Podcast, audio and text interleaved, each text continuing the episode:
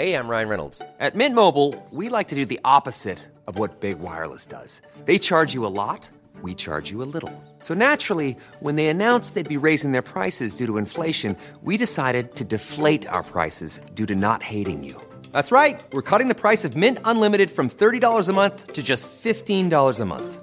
Give it a try at mintmobile.com slash switch. $45 upfront for three months plus taxes and fees. Promo rate for new customers for limited time. Unlimited more than 40 gigabytes per month. Slows. Full terms at mintmobile.com.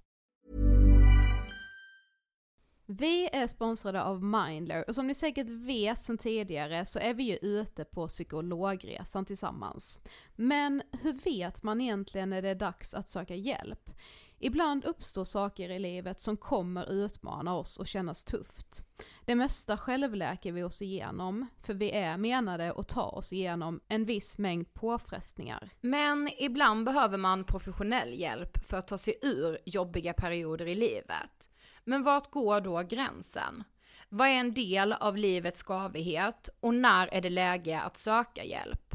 Det sägs till exempel att stress är farligt, men att det också kan vara bra. Alla sover dåligt ibland, så när har man egentligen sömnproblem? Ångesten kommer väl krypande för de flesta någon gång. Så när ska man se ångesten som outhärdlig?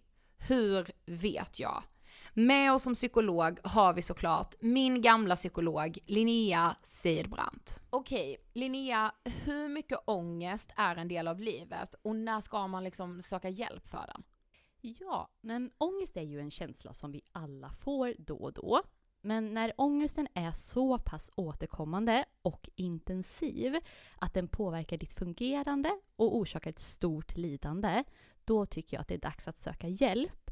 Sök hellre för tidigt om du är osäker. Då kan vi oftast med en ganska enkel insats förebygga svårare ohälsa. Och det är bra att tänka på att du förväntas ju inte kunna diagnostisera dig själv Mm. med någon fysisk ohälsa. Och det behöver du inte heller kunna göra när det kommer till din psykiska ohälsa. Vi kommer att hjälpa dig att avgöra. Gud vad det där är, alltså Det är det, så det viktigt. tror jag är haken för så många, inklusive mig själv, att jag ska redan veta vad mitt problem Jag ska ha är innan jag kommer till... in. Ja. Ah. Jag ska komma till psykologen och säga hej, jag har liksom eh, PTSD och trauma och eh, kanske eventuellt ADHD och eh, är nedstämd och kanske en depression. Alltså, vet. Precis. Och vi, jag menar, vi har ju pluggat i fem år, vi psykologer, just för att kunna göra bra och grundliga bedömningar. Ja. Så lämna det till oss. Ja, gud vad, alltså varför? Ja, det är jätteintressant. Ja, verkligen. Ladda ner Mindler till din telefon och läs mer på mindler.se.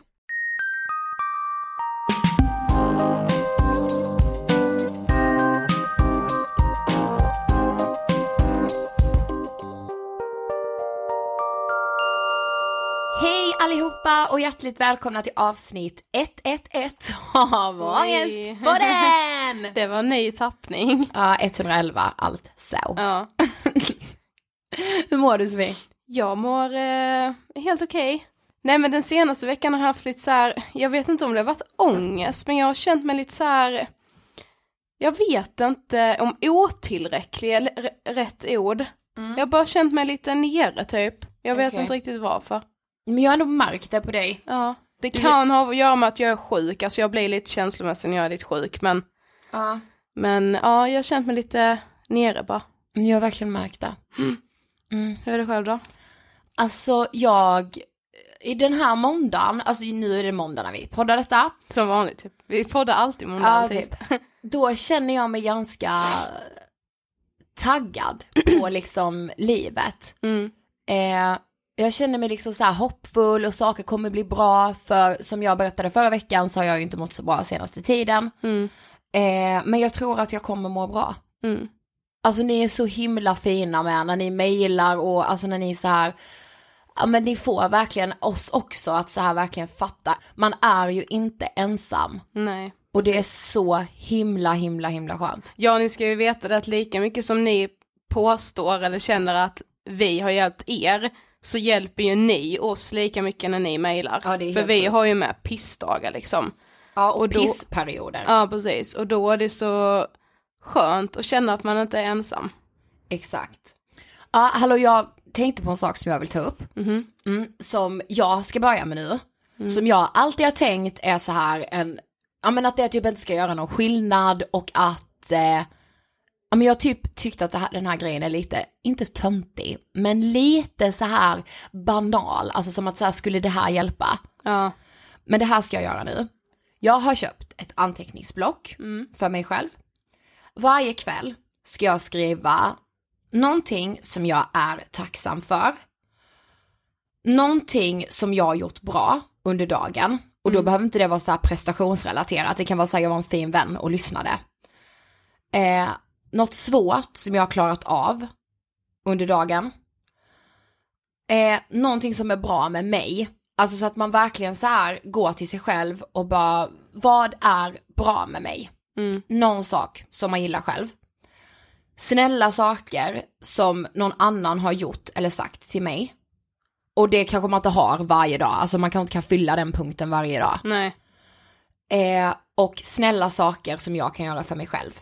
Mm. Det kan vara typ så här bara, kolla på det här tv-programmet som gör mig glad, äta kanelbulle. Alla bara väntade på att jag skulle säga det.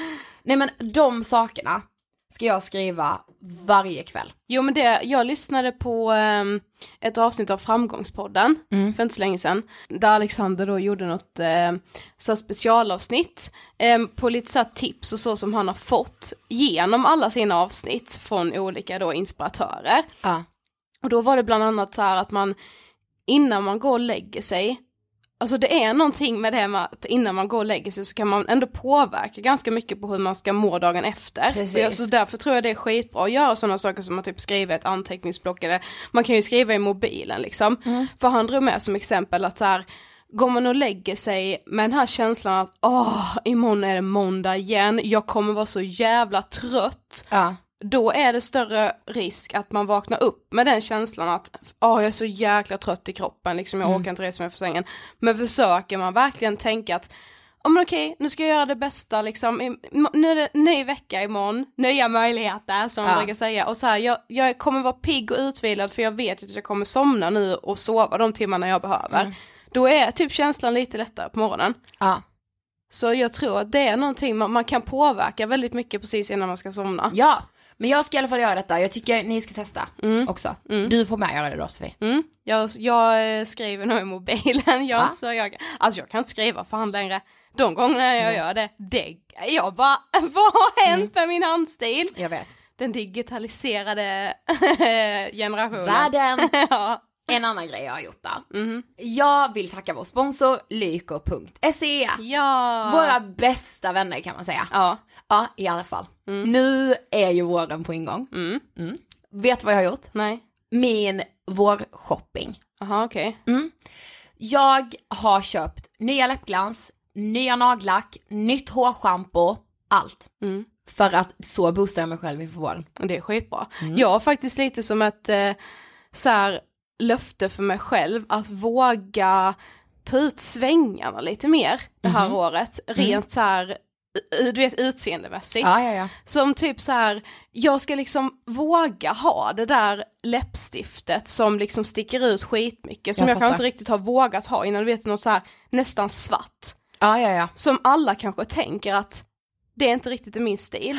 Jag älskar Man bara fast vadå jag kan väl anamma Ja, vilken stil jag vill. Jag vet. Du, jag älskar Ena det. dagen kan jag vara liksom så här lite preppy typ. Mm. Nästa dag kan jag känna för att vara lite mer så här rockig. Ja. Du vet så här, ja jag kör liksom röda läppar och någon så här rockigare t-shirt typ. Ja, Jag vad- älskar att kunna hoppa så, man, man behöver inte ha en stil. Nej men och vet vad jag känner med? Nej. Det finns liksom inga så här regler, alltså det har ju vi pratat om med Lyko varje gång vi är där eller pratar med dem. Mm. Och det känns liksom som att det tycker vi är så roligt att prata om du och jag. Mm. Det här med att det inte finns några regler. Nej, Jag har ju börjat med en ny grej, vadå? kör ju lösögonfransar. Ja, Till vardags. Vadå ser du mina, jag rosa Ja, ja. idag. Det ja, Sofie sitter här och blundar mot mig nu så att jag verkligen ser det. Ja. Men fattar du hur härligt det är? Ja. Att, nej men så här, nu har jag insett, det är en skittråkig måndag. Jag Mm. sätter på mig ett par lösögonfransar. Precis. Jag har ju blivit inspirerad av Lyko att våga ta ut svängarna lite mer. Ja men verkligen. För det finns liksom inga, det finns absolut inga rätt och fel i hur man liksom sminkar sig eller hur man har håret och det finns liksom inga rätt och fel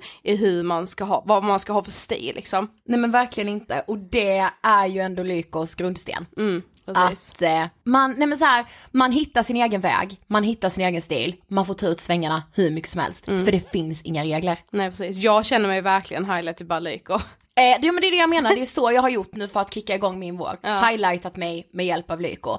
Och eh, ni har väl inte missat våra YouTube-filmer som finns på Lykos YouTube-kanal. Det är liksom som två extra poddavsnitt. Ja, kan man säga, fast man ser oss samtidigt. Och när vi tar ut svängarna lite rent sminkmässigt. Ja, både sminkmässigt men även i samtalen. Ja. Till exempel pratar vi ju om det här med badhuset, ni vet i skolan. Mm, när man inte ville vara med och simma. Helvetet på jorden. Ja, jag hatade det. Snälla, jag hatade också det. Nu pratade vi om eh, hysteriska kvinnor och hur man liksom skiljer på mäns psykiska hälsa och kvinnors psykiska hälsa. Så gå in på Lykos YouTube-kanal och kolla på filmerna på oss. Tack liko.se. Och eh, på tal om så här highlighta sig själv. Mm. Dagens gäst Ja, skulle jag säga är en sån person som verkligen inte bryr sig om vad andra tycker och tänker och som bara har gått sin egen väg. jag tyckte ju det här, får man säga liksom att det är den coolaste poddinspelningen vi har gjort. Det får man. Alltså Ja. jag var, för det första var jag mer nervös än vad jag brukar vara. Mm. Men också så sjukt så förväntansfull. Alltså det skulle, jag kände bara det kommer vara så jävla spännande detta. Jag vet, för idag gästas vi av Andreas Dregen! Yay! Mer känd som eh, gitarristen från eh, The Helicopters och Backyard Babies. Yeah, alltså, jag säger yeah Sofie. Yeah! Nej men grejen är så här, jag funderar, jag funderar på att fråga, Vadå? får jag följa med på en rockturné? Ja, Jag vill kasta ut tvn från fönstret tillsammans med ja. Nej men vet du vad jag kände? Jag kände fan att vi blev jättebra kompisar. Det kände jag med. Mm. Det kändes så sjukt kul att han liksom vill gästa Ångestpodden och ja men jag tycker vi hade ett väldigt trevligt samtal. Ja, och ett väldigt, vissa gånger djupt och mörkt. Mm. Och väldigt så här ärligt. För när man ser Dregen så tänker man ju typ så här bara, okej, rockkillen, stenhård och så här. Mm. Eh, Ja men man tänker ju sex, drugs and rock and roll. det gör man. Ja. Nej men man gör verkligen Ja. det. Eh, och därför tycker jag så här, han är liksom, han har en så himla mjuk sida. Mm, Och det var så himla häftigt att få se den i Mm. Ångestpodden. precis. Men eh, jag tycker inte vi drar ut på detta mer va? Det tycker inte jag Nu heller. säger vi som vi brukar göra. Nu rullar vi intervjun med Andreas Dregen. Varsågoda! Hej Dregen och hjärtligt välkommen till Ångestpodden! Men tack så mycket, tack så mycket. Det är häftigt att ha dig här. Vi var faktiskt lite nervösa innan ska vi säga. För det är så här man bara, alltså det här är liksom en riktig rockstjärna. Ja, jag var Legend. Ganska, jag var ganska nervös jag också. faktiskt. ja, ja men det förstår vi. Ja. Men eh, vem är Dregen för de som inte vet? Mm, ja, alltså främst är jag väl då liksom en, eh, jag är en musiker. Har egentligen spelat hela mitt liv så jag har liksom inte jobbat sådär med något riktigt jobb vid sidan av. Så att jag bestämde mig ganska tidigt i livet för att bli mm, musiker. Sådär. Så eh, ja, jag bildade ett band eh, tillsammans med fyra eh, barndomskompisar som vi spelar fortfarande i den sättningen. Som heter Backyard Babies. Som oh, 2019 fyller faktiskt 30 år Oh jäklar. tillsammans.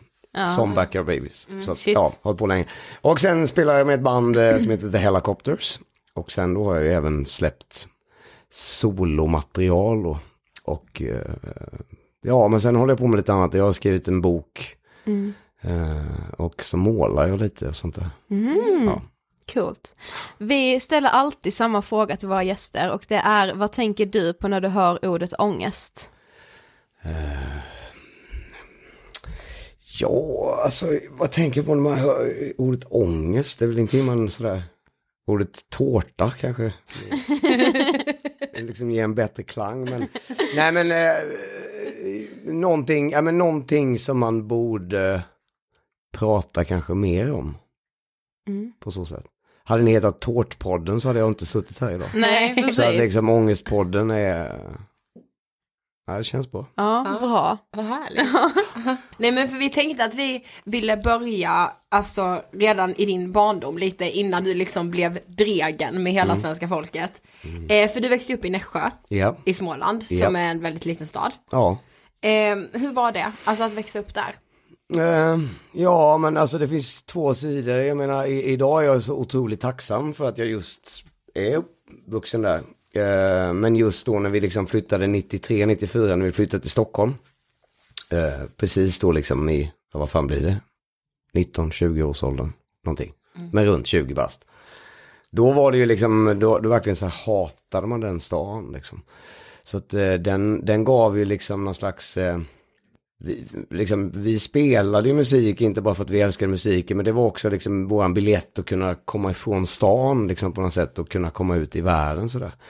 Eh, Medan jag nu då, liksom, nu för tiden så ser jag ju liksom min hemstad, jag tänker på den mycket mer kärleksfullt än vad jag gjorde då.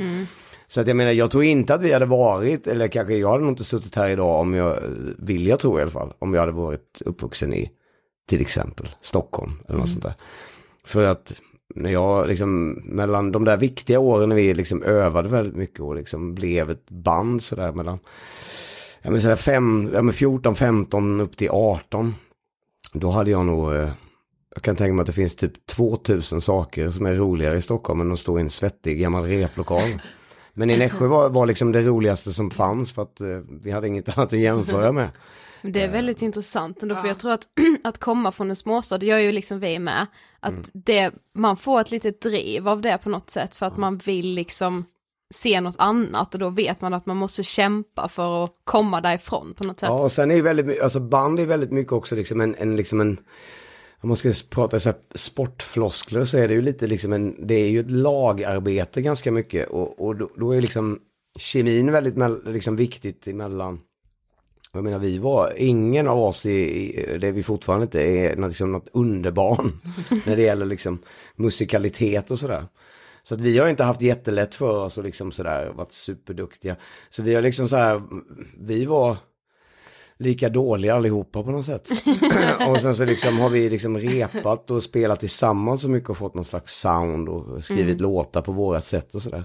Så jag tror att i Stockholm kanske man har haft lite mer, det finns mycket duktigare folk och sådär men jag tror det viktigaste är ändå inte ja, hur individuellt duktig man är utan Nej. för att kunna liksom hålla ett band tillsammans i 30 år så måste man man spelar ju bara typ en timme på dygnet, sen ska man hänga med de jävla idioterna i, 20, i 23 timmar till. Så Ja. det måste funka på ett socialt plan också. Ja. Men när vi läste din självbiografi så fick vi en bild av att du ganska tidigt kände så en rädsla för att jobba normalt, alltså ha det här 9 till 5 jobbet. Kan du utveckla det lite? Ja, det, det är också lite så story of my life att jag liksom eh, kanske är lite motsägelsefull ibland sådär.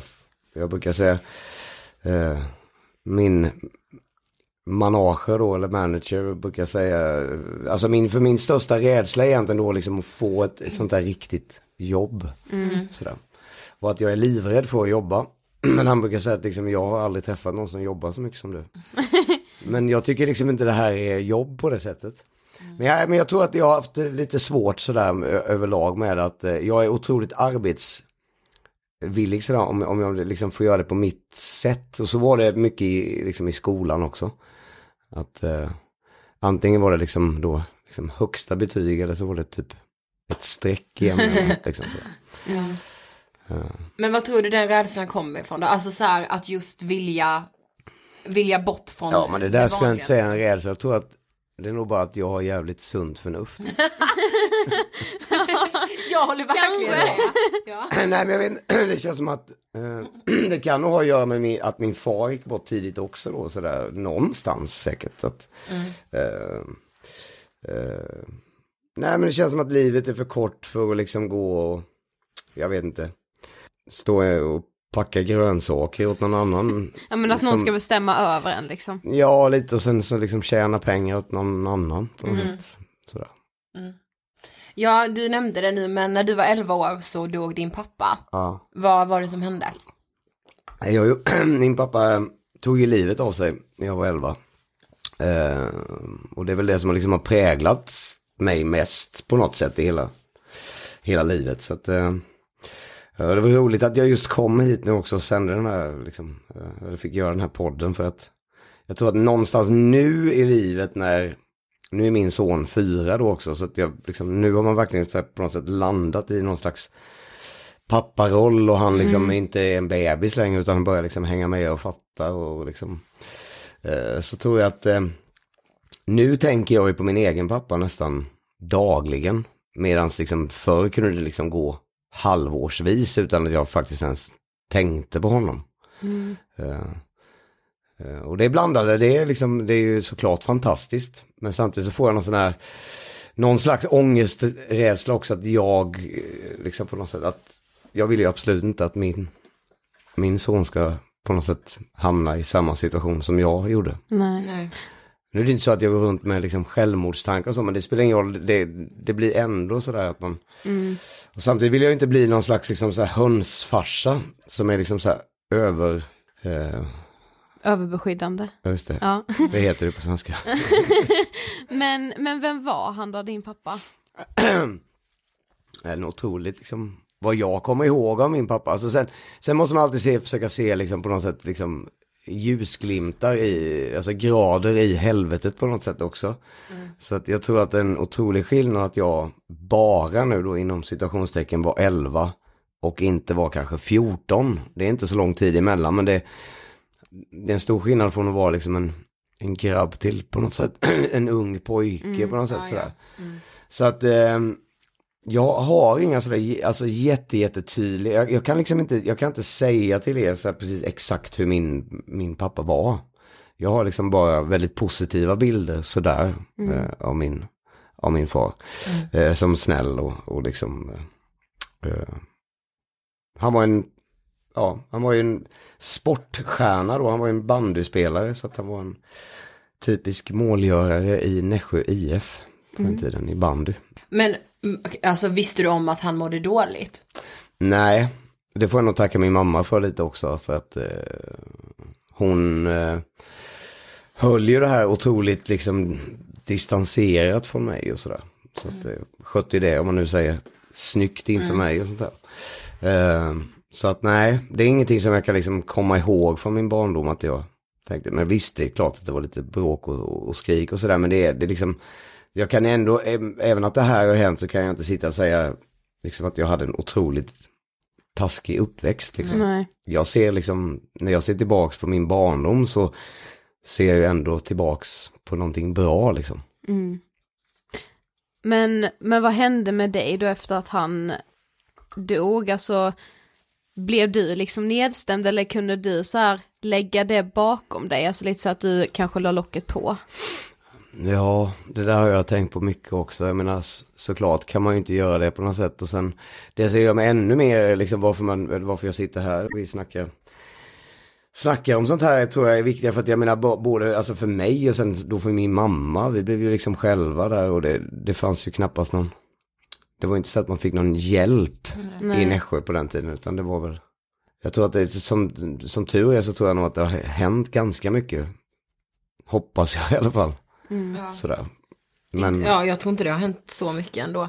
nej, Tyvärr. nej. Eh, för man blir, det känns som att alla blir liksom så handfallna, alltså man vet inte vad man ska göra för det är så himla tabu med att just någon tar livet av sig.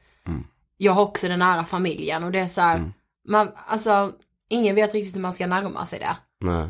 Både rent så här en social krets liksom, men även så här från samhällets sida. Nu, nu kommer jag på att, att vi pratade liksom för och nackdel mellan stö, på något sätt storstad och småstad. Så kan, jag, kan jag nog också tänka mig att just när det händer något sånt här, det är någon annan grej om man, om man liksom en tragisk, eh, vad fan vet jag. Farsan hade fått en hjärtattack liksom, och dog, då tror jag att det är lättare för folk att närma alltså, så, så, ja, men Jag tror också att det, det kan vara svårare just i en liten stad när det här liksom, det tisslats och tasslats Ja, och alla vet om. Och då kanske det är lättare om en sån här sak händer i en större stad. För att, eh, Det blir inte riktigt samma tissel och ja men det är tassel. lättare att gå ut på stan för min mamma i Stockholm och, och handla än att alla Precis. står liksom och pekar bakom ryggen och liksom sådär. Precis. Och sådär. Men, men vad, vad det händer med mig egentligen på, på sikt så ser jag ju det såklart för att jag menar jag mina betyg droppade ju liksom sådär va? och min skolgång blev ju inte sämre men, men jag blev ju eh, liksom stökigare på, på, på ett sätt men sen tror jag nog att samtidigt så blev jag nog ganska, blev jag liksom mer fokuserad på ett sätt också. För det fanns någonting som tändes inom mig också eh, som blev det här liksom på något sätt någon slags jävla anamma-instinkt. hos mig. Ja. Sådär. Att jag på något sätt, jag vet inte, skulle visa att jag kunde också sådär liksom. Ehm, så det har nog blivit någon slags krigarinstinkt för mig. Men, ja, det är ju ändå fint på något sätt att det kan bli så tycker jag.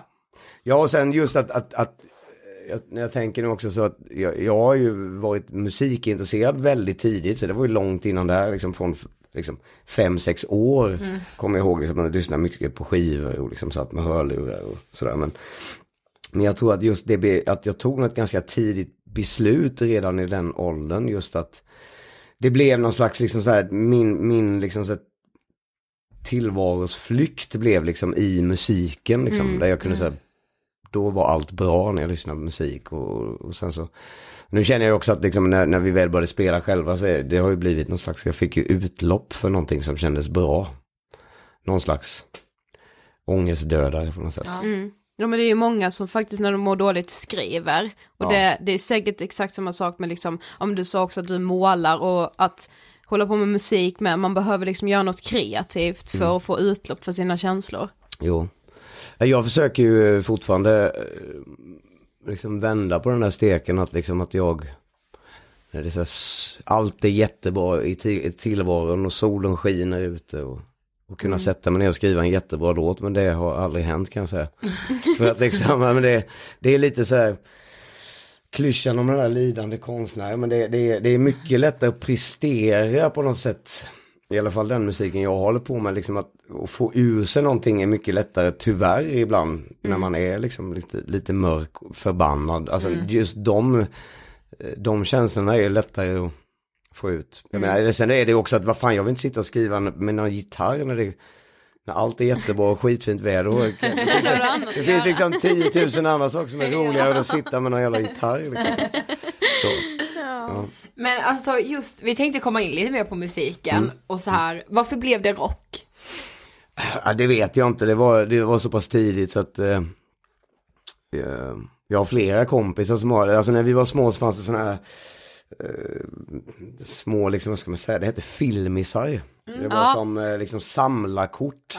De som har man ju så sett på eh, på Lilla s- Jönssonligan. Ja.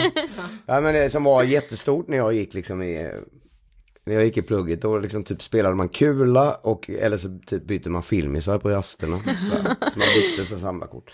Då kom jag över någon sån där samlarkort på ett band som eh,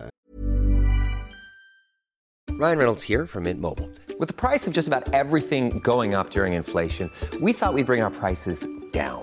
So to help us, we brought in a reverse auctioneer, which is apparently a thing.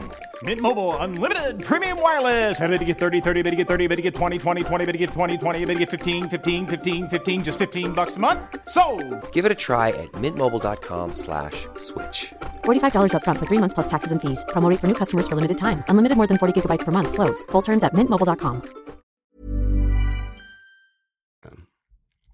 som heter Kiss. Och så såg jag liksom en bild på dem och så att jag helt, ja men typ, bara bestämde mig för att det här är ju världens bästa band. Fast jag hade inte hört dem spela överhuvudtaget, men just det sådär. Men, men, men jag fick ju det på något sätt genom min, min pappa också, för att han, han tecknade ju väldigt mycket. Det gör ju inte min mamma. Så den eh, liksom genen eller ådan har ju fått genom han, honom liksom på något sätt. Eh, så vi målade mycket och sådär när jag var liten. Och han läste också liksom, eh, han, han snarare tecknade mer serieaktigt än att han liksom målade någon jävla vas med blommor och sådär liksom. Så att det var mycket liksom så här, mm, serietidningstecknande och, och då gled jag ganska tidigt in på eh, liksom superhjältar och Spindelmannen då är en stor, ja, jag till och med Oh, ja. Tatueringen där. Ja, ja men sådär, eh, så att jag var alldeles uppslukad i liksom serietidningar väldigt tidigt när jag var liten. Och sen då när jag blev något äldre så blev det liksom just att det var liksom inte ett så stort gap mellan liksom Spindelmannen och Peter Parker och liksom Kiss. Det gick liksom i, Ja, jag de såg också lite ut som så här superhjältar på något sätt. Och sen, och sen ja, var den liksom ännu häftigare och hade elgitarrer och sånt där. Så att jag, det var liksom någon slags naturlig övergång. Ja. Men sen bildade ni då Backyard Babies, Mm. eh, som liksom fortfarande håller på idag. Men det kändes som när vi läste din bok att det, ni var liksom inte bara ett band som spelade musik utan det var så här på liv och död. Men var det för att ni kände redan då att ni liksom ville dra ifrån lilla Nässjö? Ja, men jag tror att, jag vet inte att vi, liksom att vi kanske, jag vet inte om vi är så, men jag, jag tror att ska man göra någonting bra så måste det nästan vara på liv och död på något sätt. Mm. Alltså alla andra musiker som vi kände, så de, de var ju också jätteduktiga men sen liksom pluggade någon till läkare vid sidan av. ja. Ifall det karriären inte skulle gå, det tror fan det inte kommer funka då. Liksom. Jag menar hur många gånger så jävla jobbigt det har varit under den här karriären. Om jag då hade haft någonting att bara falla tillbaka på, Ja. som de säger, då hade jag ju gjort det såklart. Så det gäller ju bara här, klippa navelsträngen, slänga sig ut. Jag menar sen har väl jag, alltså det finns ju en viss procent tur i det här också såklart, men så att det kunde ju lika väl kanske gått åt helvete men totalt men då, alltså Men det gjorde det inte. Nej, gjorde det nej och sen på, på något sätt så gamblade vi med det att antingen är det det här eller ingenting. Så att, så att det är inte bara jag utan alla fyra i bandet var väldigt mycket sådär. Men hade ni så här drömmen om att leva det här rockstjärnelivet? Ja det hade vi. Vad hade ni för bild av det då? Alltså sunt kan man nog aldrig säga för det är det ju inte riktigt. Med just den biten men, men samtidigt så var vi nog ganska eh, Alltså jag har träffat andra musiker som liksom sådär inte pallar längre för att de bara oj, de, de hade någon slags bild av att allt var bara liksom som en jävla räkmacka hela tiden. Att det är så enkelt och man bara åker runt i. Jag tror att vi hade en, en ganska eh, rättvis bild av hur det skulle vara för att jag tror att vi var nog ganska liksom eh, inställda på att det skulle vara, innebära väldigt mycket liksom hårt jobb också. Eh, så att det har varit ganska lite gnäll ändå sådär. Men jag menar vi började ju då 89 och så fick vi ett skivkontrakt. Då spelade vi, spelade, spelade, spelade, spelade och gjorde demos och skickade och tjatade och liksom sådär. Men sen fick vi till slut ett skivkontrakt på en litet skivbolag då, 94, 93, 94 där någon gång. Flyttade till Stockholm. Eh, och sen så plockade vi ut första lönen kommer jag ihåg. Jag tror det var någonstans i slutet på 97, 98 någon gång.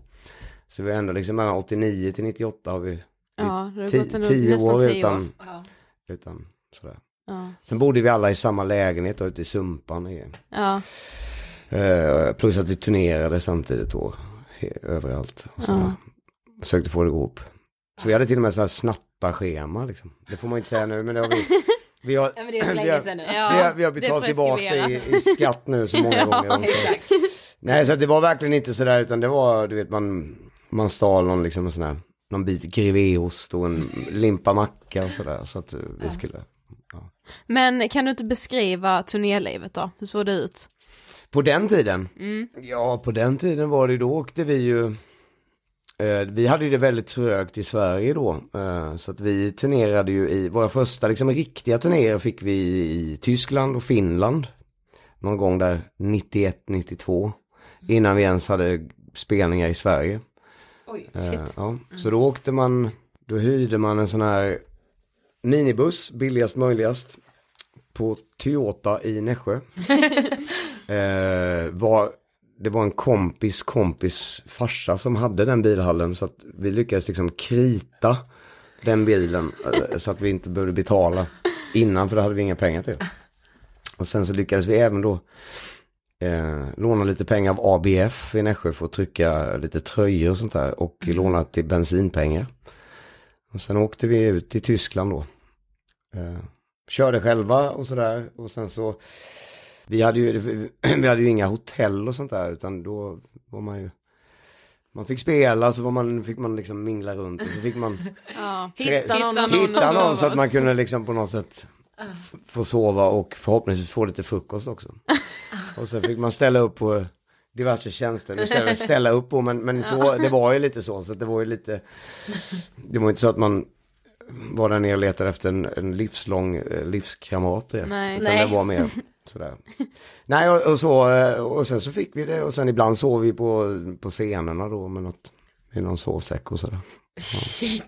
Nej men det är så här, jag, jag älskar det för att då vill man verkligen. Ja, alltså det är ju det. Det är så jävla vackert Ja, på något sätt.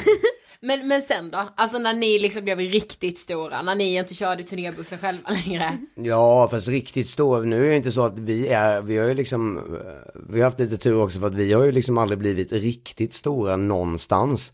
Utan vi är ju typ ganska stora överallt Ja. istället. Så det är ganska, jag har ju också andra musikerpolare som är helt sjukt. Jag åkte ner, inga namn nämnda sådär, men liksom att typ i så här, land som, man kommer till Österrike så, så liksom spelar de i sådana stora jävla liksom hockeyhallar för 10-20 tusen människor.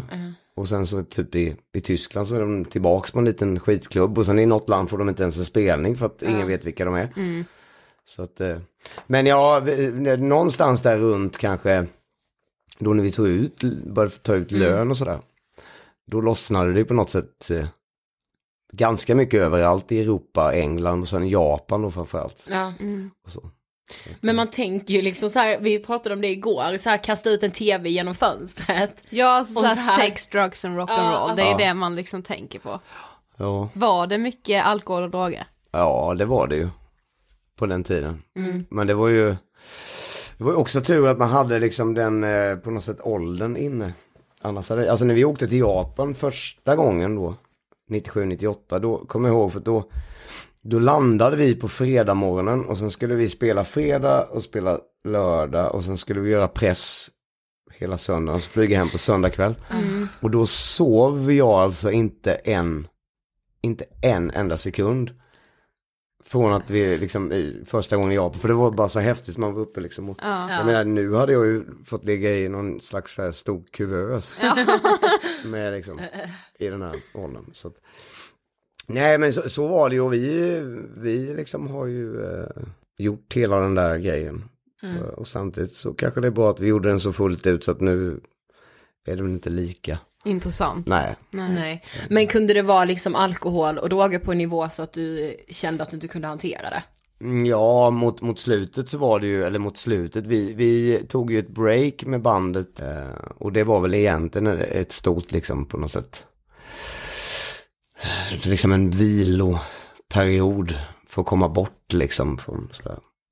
Och sen var det ju andra medlemmar i, som, som våran sångare Nicke till exempel, han var ju helt eh, drogig och eh, han dricker inte överhuvudtaget idag och sådär. Och, och det är också en sån här fin grej att vi liksom på något sätt har kommit ut på andra sidan också sådär. Så att då, då var det ju liksom mer än att då var det ju inte kul längre utan då började det ju liksom bli ett, alltså ett problem. Kunde du känna att det var nästan ett missbruk?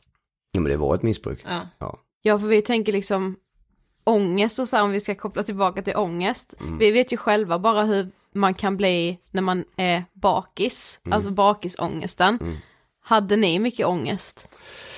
Nej, alltså det, fan, jag försöker komma, alltså inte när man var i, liksom, i den, liksom, i den liksom, musikbubblan och, och jag levde ju det så mycket liksom sådär på något sätt dygnet runt och hela tiden så att jag hade liksom inte med vanligt på något sätt så socialt liv att göra. Nej.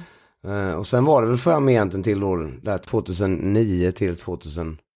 Ja. Så någonstans där liksom, så att, vad ska man säga, 2007, ja, men 2006, 2007, 2008 är, är ju lite, eh, men vi började bli äldre, våran, eh, det var våran trumslagare fick en, fick en dotter.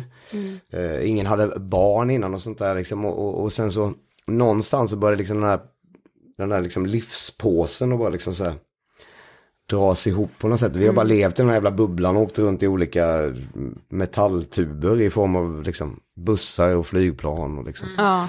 Eh, sen när man tog den här pausen så var det lite att någonstans att vi, man försökte liksom ordna upp den här grejen som tydligen heter livet utanför. Liksom. Och vi var ju jättesena på bollen så jag blev, jag blev ju far när jag var liksom eh, nästan 40, eller jag var, ja precis, typ 40 år. Liksom. Vilket jag är tacksam för, för att hade jag varit 25 och blivit farsa hade jag ju varit en jättedålig farsa liksom.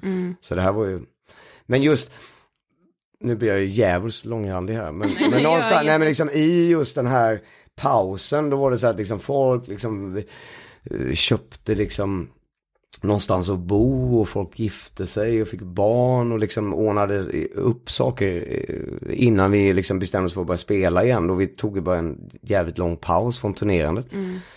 Så det har ju blivit stabilare, men då å andra sidan så kommer ju också lite det här för mig då liksom med, med just det här, alltså riktig ångest på något sätt. Mm. För att när man bara är ute och kör sådär, då, då det finns inte,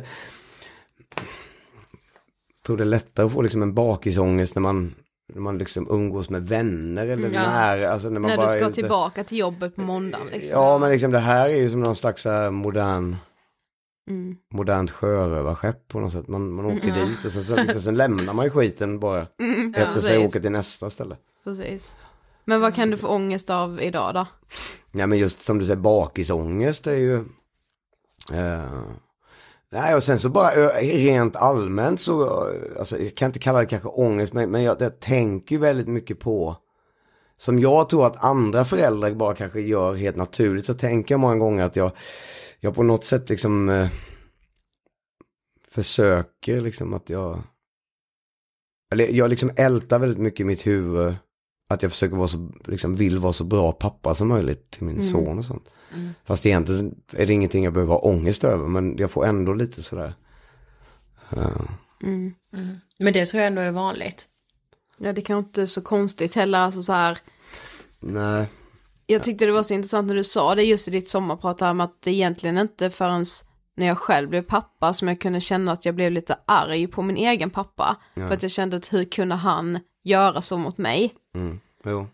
Ja, det, det är liksom, så det är liksom det ältar mig och sen så kanske just att jag får något, på något sätt liksom, man kan, man kan pendla lite, jag kan, eller jag kan pendla lite mellan just att ha sådär liksom otroligt bra perioder och sen gå ner i lite liksom mörkare perioder Mm. där jag kan Alltså jag har ju liksom inget självskadebeteende, det är inte gott, men, men liksom där man kan, där det går någon sån svart moln över en hela tiden, där man på något sätt tänker liksom dåliga tankar om sig själv, fast man Mm. egentligen inte ska göra det. Mm. Och, sådär. och det är också en grej som har kommit med, med åldern på något sätt. Mm.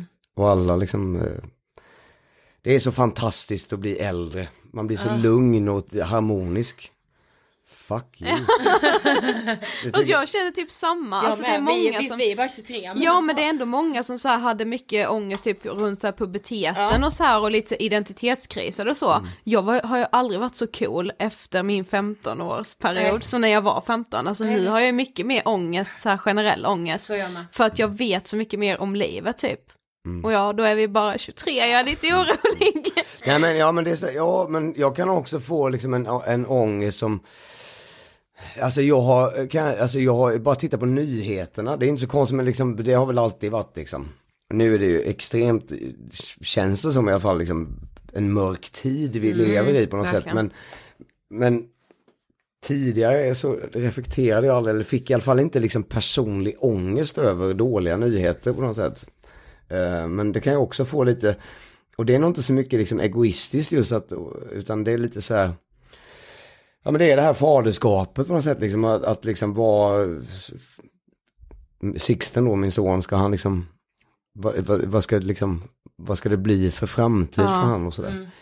Lite sådana saker. Mm. Men sen, sen har jag också pratat med då liksom äldre kompisar än mig själv att som, som rockmusiker så tar liksom, har du någon slags så här eh, liksom, mellan liksom så här 20 och 35, där är det liksom så här high profile tid och sen så börjar det lite sådär jag är typ i den sämsta perioden just nu. när man liksom blir så här 44 och, och man, man har lite så här identitetskris och grejer. Och sen tydligen när man så fyller 50 ska tydligen vara en jävligt bra ålder. Jaha, För okej. att då, då har man liksom, jag, jag, har liksom, jag är liksom med ett ben kvar lite sådär Ja.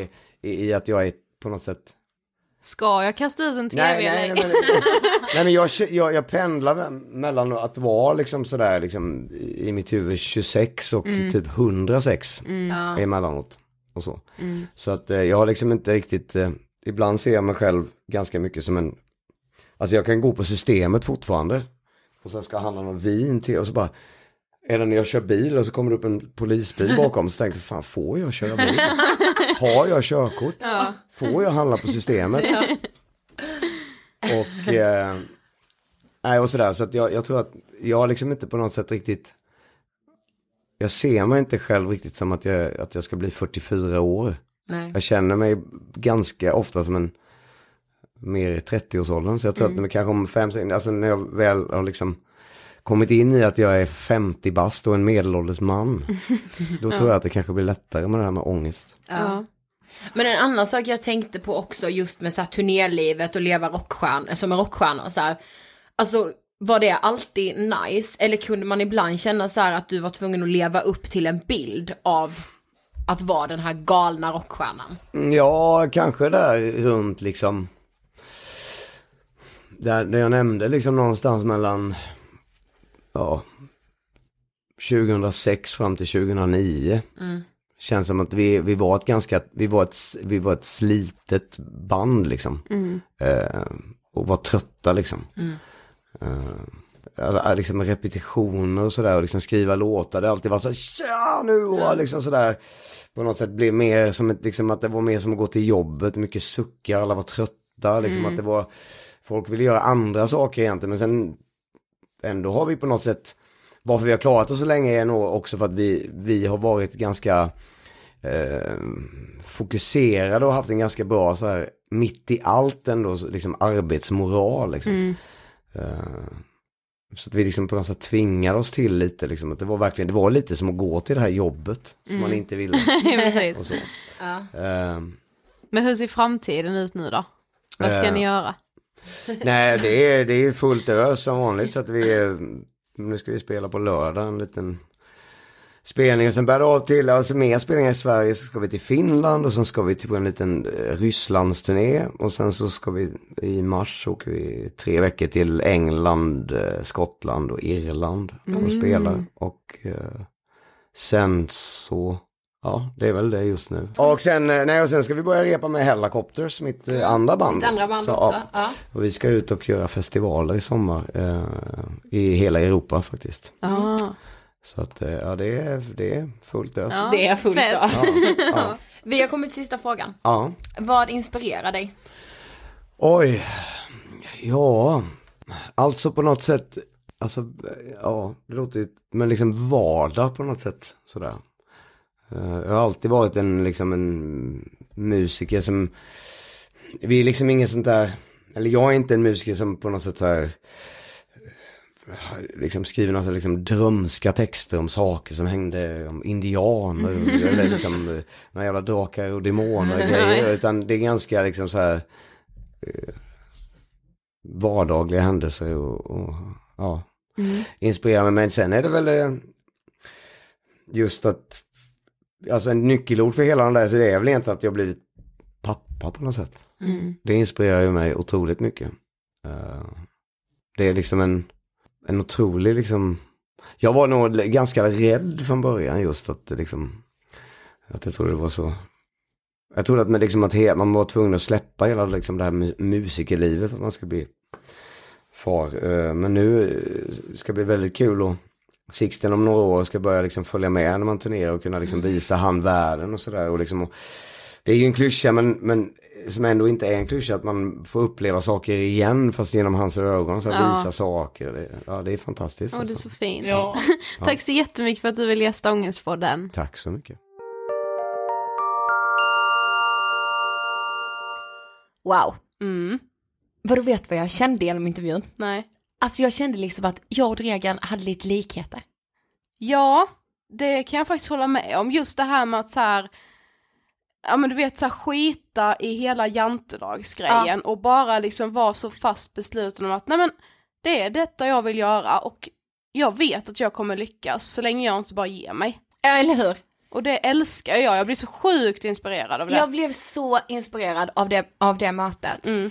Eh, och sen tycker jag liksom att det är så himla himla starkt att prata om självmord. Mm. Och när man har det nära. Mm. Eh, och jag har ju också det nära i min familj. Mm. Eh, så därför tyckte jag liksom att det var så skönt att höra liksom Mm. någon annan. Mm. Det är det ju, Mm. självklart. Jag har också det här att det är liksom det är okej att vissa dagar vara ledsen och vissa dagar är man förbannad på personen och vissa dagar har man bara massa frågor och vissa dagar är det så här, ja men inte att man inte bryr sig men man har liksom typ bara accepterat det. Jag tror att det, det, är, det är helt naturligt att det liksom pendlar upp och ner. Precis. Och sen det här med som Dregen pratade om med att han liksom blev en, ja men en annan person när han blev pappa. Mm.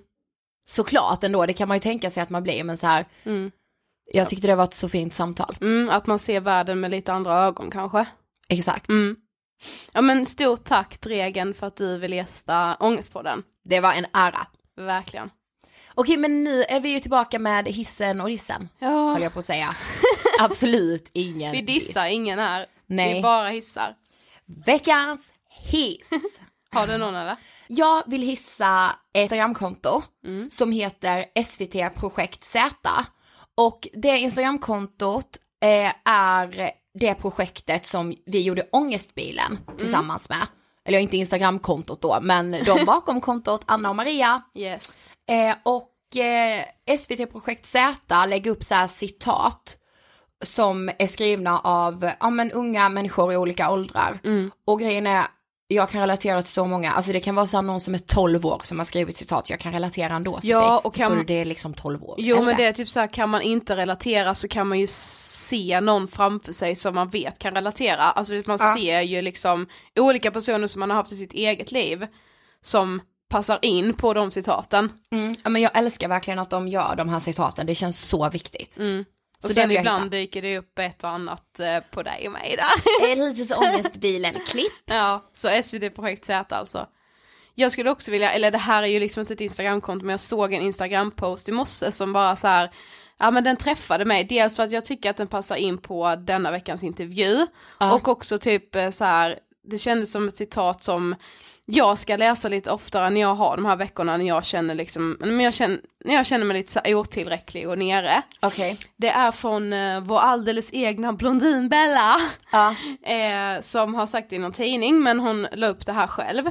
Bli din egen bästa vän, inspirera dig själv, våga ha visioner, det nu kommer det bästa, lita på din egen förmåga, allt går om man vill.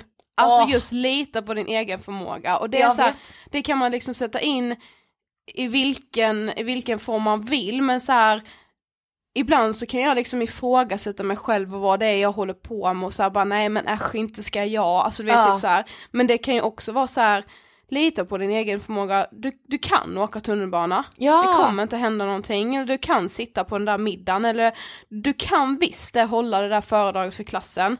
Och stå och prata i 10 minuter för dina 20 klasskompisar, det kommer gå, du måste bara lita på din egen förmåga. Ja, alltså i allt. Ja, Så du kan laga den där middagen till din första dejt. ja, Det går, Ja. för du kan det. du kan gå på en dejt. Ja, lita på din egen förmåga. Gud vad jag älskar det. Mm, skitbra, så det vill jag hissa. Ska vi ut och lita lite på våra förmågor den här veckan? Jag tänker det va.